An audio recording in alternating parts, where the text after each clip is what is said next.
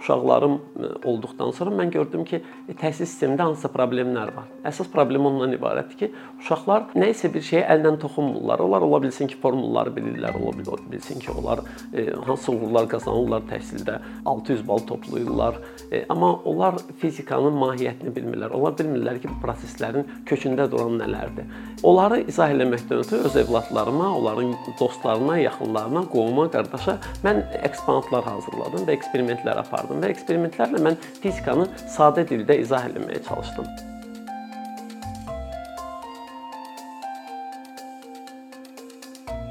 Mən ixtisasca mühəndis layihəçiyəm e, və e, Texniki Universiteti bitirdikdən sonra 5 il mühəndis layihəçi kimi çalışmışam və Ondan sonra artıq avtomobil sahəsində işləməyə başlamışam. Əsas işim odur.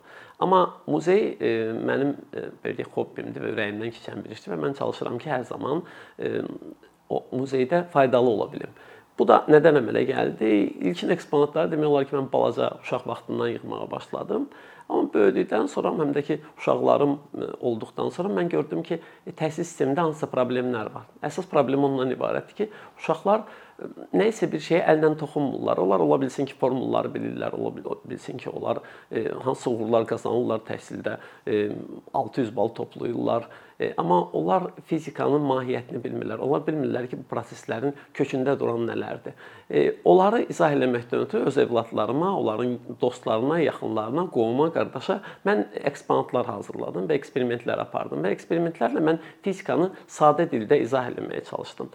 E, sonradan artıq bu eksperimentlər çoxaldı, eksponatlar çoxaldı və e, bir hədəf liseyi var. O bizə dəstək oldu ki, gəlin bunları burada bizdə yerləşdirin və hal-hazırda muzeyin bir filialı orada yerləşir. Sonradan e, Pedaqoji Universitetin fizika fakültəsindən də dedilər ki, əgər belə yəni mümkündürsə bizdə də yerləşdirin və ikinci filial da ordadır. Hədəf liseyində olan bu əsasən belə deyək də elementar fizikanı orta məktəb səviyyəsində ali məktəbin belə deyək, orta sinif e, orta kursları arasındadır, amma e, pedaqoji universitetdə olan artıq orada biz kvant fizikasını görə bilərik, biz orada e, elektronların difraksiyasını görə bilərik. Daha belə deyək, elmi avadanlıqlar orada quraşdırılmağa başladı. Mən bu muzeyi quraşdırmaq üçün çoxdan, yəni fikrim olub və daha çox dünya təcrübəsini öyrənməkdən ötürü demək olar ki, dünyanın bir çox muzeylərində oldum və həmin muzeylərdən təcrübə topladım və o muzeylərdə mənim gördüyüm e, ən xoş şey o idi ki, ora insan axını daha çox idi. İnsan axını e, orada müqayisə üçün deyim ki, o elə bil ki, bizim ən böyük mollarımızda olan insan axını orada e, cəryan edirdi və ora gələn tələbələr, şagirdlər, onların əsas fikri nəyisə bir şey öyrənməkdə, hansısa bir fənni keçəndə onlar gəlib ora həmən fənn fəndə həmən e, e, tutaq ki, dərsdə nələri keçəcəklərsə, onları müəllimlərlə gəlib orada araşdırırdılar. Orada görürdülər, baxırdılar və bu sistemdə hazırlayırdılar. Mən də ona görə muzeyimi interaktiv muzey kimi etdim ki, insanlarda toxunma, hərəkət olsun, onlar e, əlləri ilə hiss eləsinlər, özləri bir eksperiment aparsınlar və e, mən e, əsasən bunu sual-cavab tipdə muzeyə səyahəti təşkil edirəm ki, onlar qoyub düşünsünlər. Çünki mən fikirləşirəm ki, mənim uşaq vaxtdan nələr yadımda qalıblar. Onlar yadında qalıblar ki, onları mən o dəqiqə bilməmişəm. Mən onun öyrənməkdən ötürü hansısa bir əziyyət çəkmişəm. Nələrsə düşünmək məcburiyyətində qalmışam. Ona görə də düşünürəm ki, muzey də belə olmalıdır.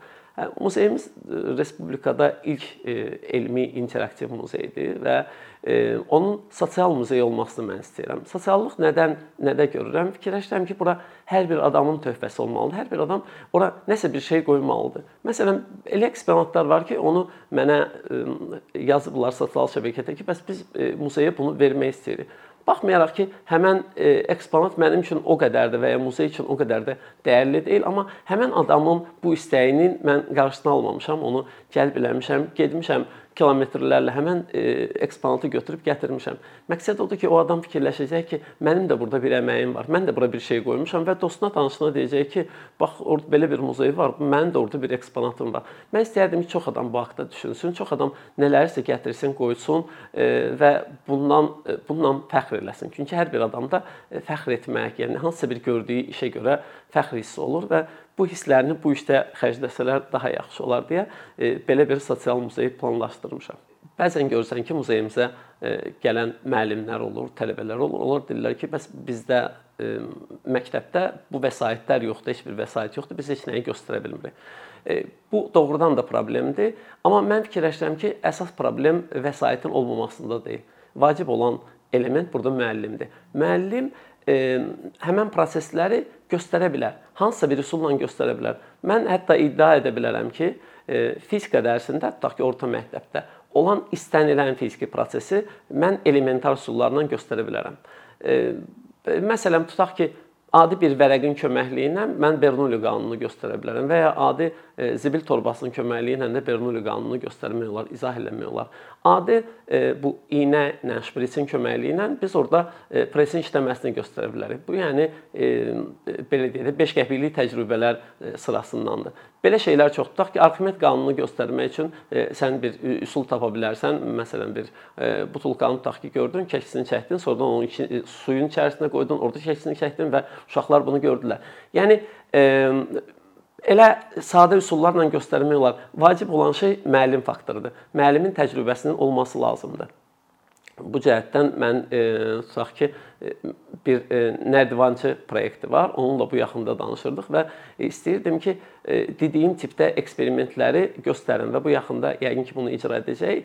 E, bunun adını qoymaq istədik əvvəlcədən ki, 5 qəpiklik e, eksperimentlər və sonradan fikirləşdik ki, bunun adını qoyaq təcrübəli e, təcrübəli müəllim. E, təcrübəli müəllim deyəndə hamıda belə bir fikir əmələ gəlir ki, bu ə, e, yəni uzun müddət işləmiş bir müəllimdir. Amma mən onu elə e, saymıram. Təcrübəli müəllim o müəllimdir ki, hansı ki təcrübələrlə öz e, fənnini göstərir. O göstərir ki, bu təcrübələri aparmaqla o şagirdə izah edə bilir.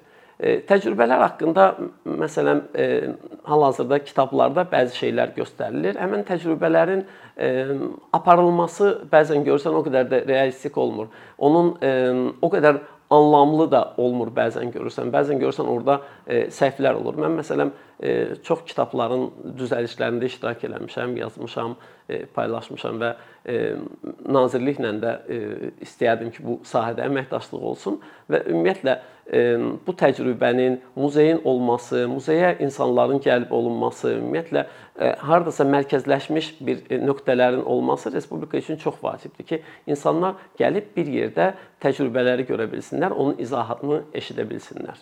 Deməli, muzeyimi e, düzəldəndən sonra, hazırlayandan sonra bunu istədik ki, dövlət qeydiyyatından keçirək. Bir dəfə e, müraciət elədim, e, amma sonradan nəsə, yəni nazirlikdə də böyük dəyişikliklər oldu və hal-hazırda bu belə deyək, son bir neçə gündə mən həm Mədəniyyət Nazirliyinə muzeyin qeydiyyata alınması üçün e, icazə istəmişəm və həm də Təhsil Nazirliyinə yazmışam ki, Təhsil Nazirini də dəvət etmişəm ki, gəlib muzeyimizi görsünlər.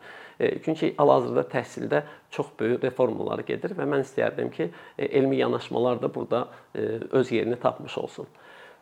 Muzeyi əsasən hazırlayanda mənim düşündüyüm oldu ki, insanlar aktiv olaraq orada iştirak etsinlər. Nələrsə görsünlər, biləsinlər. Hal-hazırda nələri görə bilərlər? Məsələn, mən buxar mühərrikindən tutmuş, yəni ilk mühərrikdən tutmuş ta ion mühərrikinə kimi mühərriklər və işlək vəziyyətdə hazırlamışam və e, muzeyə gələnlər onu orada görə bilərlər. Muzeyə gələnlər orada Arximed qanununun görə bilərlər ki, Arximed qanunu necə təsir eləyir. Orda e, Arximedin əgər rəvayəti yadınızdadsa, orada tac hazırlanır və Arximed orada Evrika deyir. E, burada mən tac hazırlamaq, qızıldan tac hazırlamağa imkanım olmayıb, amma mən bir üzük düzəltmişəm və onun köməkliyi ilə onu göstərə bilərəm. E, sonra e, biz orada e, tutaq ki, ayda və ya e, günəşdə hansı maddələrin olmasını necə təyin edirlər? Yəni spektral analiz necə gedir? Onu insanlar orada görə bilərlər. Orada Oxford kamerasını görə bilərlər. Orada respublikada hazırlanmış ilk dronu görə bilərlər. Həmin dronda elə mən özüm hazırlamışam. Mənim e, bir hobbim də e, modelizmdir, yəni radio modelizmdir, radio ilə idarə olunan uçan qurğulardır. E, və ilk dronu da mən hazırlamışam və həmin dron ordadır. Orada levitasiyanı görmək olar, maqnit üzərində levitasiyanı görmək olar, səs levitasiyasını görmək olar. Səsin dalğa olmasını mən əyani olaraq göstərə bilərəm. O da yenə də elementar, yəni bir üsulla göstərə bilərəm. E, sonra e, maqnetizmi, elektromaqnetizmi çox sadə dildə başa salmaq imkanım var. Yəni ora gələnlər onu görə bilərlər. Orada daha müasir texnikaları da görə bilərlər və düşünürəm ki, hər bir gələn adam üçün, yəni biz muzeyə gəlmə yaşını məsləhət görürük ki, 9-dan yuxarıya olsun yuxarıda heç bir məhdudiyyət yoxdur. Çünki məsələn, orada gördüyümüz şeylərin hamısını, hazırladığımız şeylərin hamısını mən özüm hazırlamışam və onlar mənim xoşuma gəlirlər. Deməli ona görə yaşda heç bir fərq yoxdur. Hər bir adamı mən orada heyrətləndirə bilərəm. Düşünürəm ki, ora gələnlər mütləq oradan gedəndə hansısa bir bilik və savad əldə etmiş olacaqlar. Mən bayaq qeyd etdiyim kimi dünyanın bir çox muzeylərində olmuşam və o muzeylər çox möhtəşəmdilər. Məsələn, Viyana Texnik Muzeyi bizim Elmlər Akademiyasının təkcə baş binası yox, onun yanında olan bütün binalar qədər bir muzeydir. Sözsüz ki, mən də arzulayıram ki, bizim respublikamızda da belə bir muzey olsun və e, mən təcrübə toplamışam və bu işdə də dəstək olmağa hazıram ki, belə bir muzey hazırlansın. Çünki e, bir şəhəri digər şəhərdən, bir ölkəni digər şəhərdən, e, ölkədən fərqləndirən əsas cəhət, yəni baxılacaq şey ancaq muzeylərdir. Çünki e, mağazaya getsən, e, eyni şirkətlərin mallarıdır. E, yemək istəsən, eyni şirkətlərin satdığı mallardır. Amma muzey həmən yeri xarakterizə edən bir yerdir.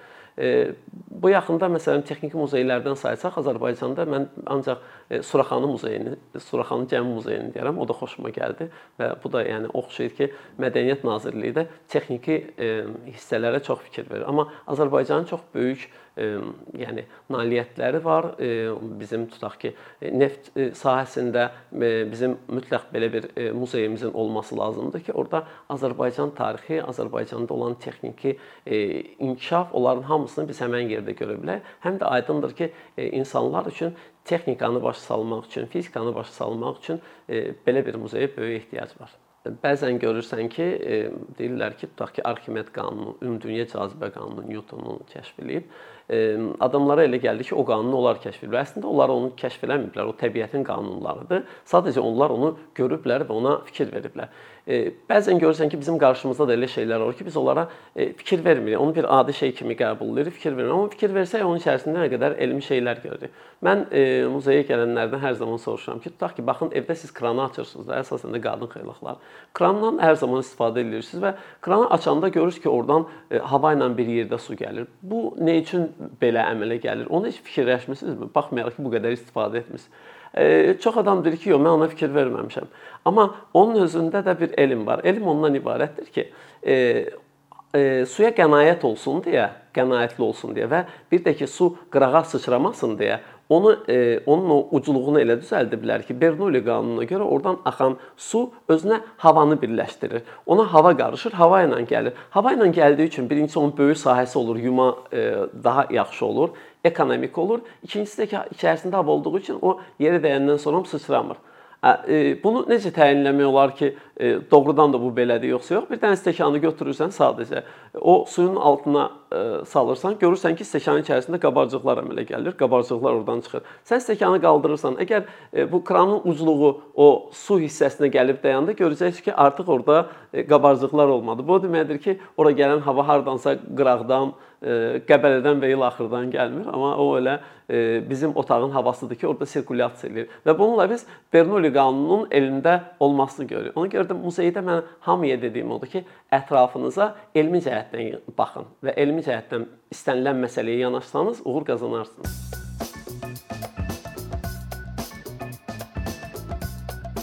Bir neçə ildir ki, əkinçi olaraq Azərbaycanlı izləyicilərin hər zaman faydalana biləcəyi keyfiyyətli və ən əsas ödənişsiz kontent hazırlamağa çalışırıq. İndiyədək təqdim etdiyimiz onlarla animasiya və yüzlərlə çəkilişlər tələbələrin, mütəxəssislərin, müəllimlərin və ümumiyyətlə yeni mövzulardan xəbərdar olmaq istəyən çox sayda insanın marağına səbəb olub. Bu illər ərzində hazırladığımız videolar təhsil, texnologiya, ictimai fəallıq, iqtisadiyyat, gender bərabərliyi, ətraf mühit, ifadə ifadə azadlığı, hüquq, demokratik inkişaf, mədəniyyət və digər mövzuları əhatə edib. Məqsədimiz çoxlu baxış gətirən deyil, çoxlu fayda gətirən videolar hazırlamaqdır. Amma bu düşündüyümüz qədər asan deyilmiş. Gördüyümüz iş kifayət qədər resurs, əmək və təbii ki, davamlılıq tələb edir. Bu səbəbdən Patreon platformasından istifadəyə başladıq. Əkinçinin Patreon hesabının populyarlaşmasına çox böyük ümidlərimiz və gözləntilərimiz var. Bəziləriniz Patreon haqqında ilk dəfə eşidirsiniz. Əslində çox sadə izahı olan bir platformadır. Təsəvvür edin ki, siz rəssam və ya musiqiçisiniz. Sosial şəbəkələrdə sizi izləyən, işinizi bəyənən çox sayda insan var. Patreon platforması sizə imkan verir ki, izləyicilərinizin könüllü aylıq ödənişləri sayəsində işinizi davam etdirəsiniz. Sərgi, konsert zallarından asılı qalmayasınız. Amma bu təkcə rəssam və musiqiçilərə aid deyil. Məsələn, əkinçiyə bənzər fəaliyyətlə məşğul olan bəzi layihələrin 10 minlərlə patronu var. Biz də düşündük ki, nə üçün əkinçinin Patreon hesabı olmasın? Sizin dəstəyiniz sayəsində biz daha çox və daha keyfiyyətli kontent yaratmağa davam edə biləcəyik. Amma bu dəstək yalnız maddi dəstək deyil. Dəstəkçilərimizin sayının artması gördüyümüz işlərin faydalı olduğuna dair əminlik verir. Patreon platformasından istifadə çox sadədir. Hesabınızı açırsınız, sizə uyğun dəstək növünü seçirsiniz və Patreon özü hər ayın ilk günü kartınızdan seçdiyiniz dəstək növünə uyğun ödəniş tutur. Bu qədər. Sonda onu demək istəyirik ki, dəstəkçilərin sırasına qoşulmaq istəyən, amma məhdud imkana görə bunu edə bilməyənlər narahat olmasın. Daha öncə dediyimiz kimi, bizim əsas məqsədimiz daha çox insanın hər zaman faydalana biləcəyi keyfiyyətli və ödənişsiz kontentin yaradılmasıdır. Bunun üçün mütləq patronumuz patronumuz olmalısınız deyə məcburiyyət yoxdur. Amma imkanınız patron olmağa çatırsa və bizim işimizi bəyənirsinizsə, patronlarımızın sırasına qoşulmağınız bizim üçün çox önəmlidir.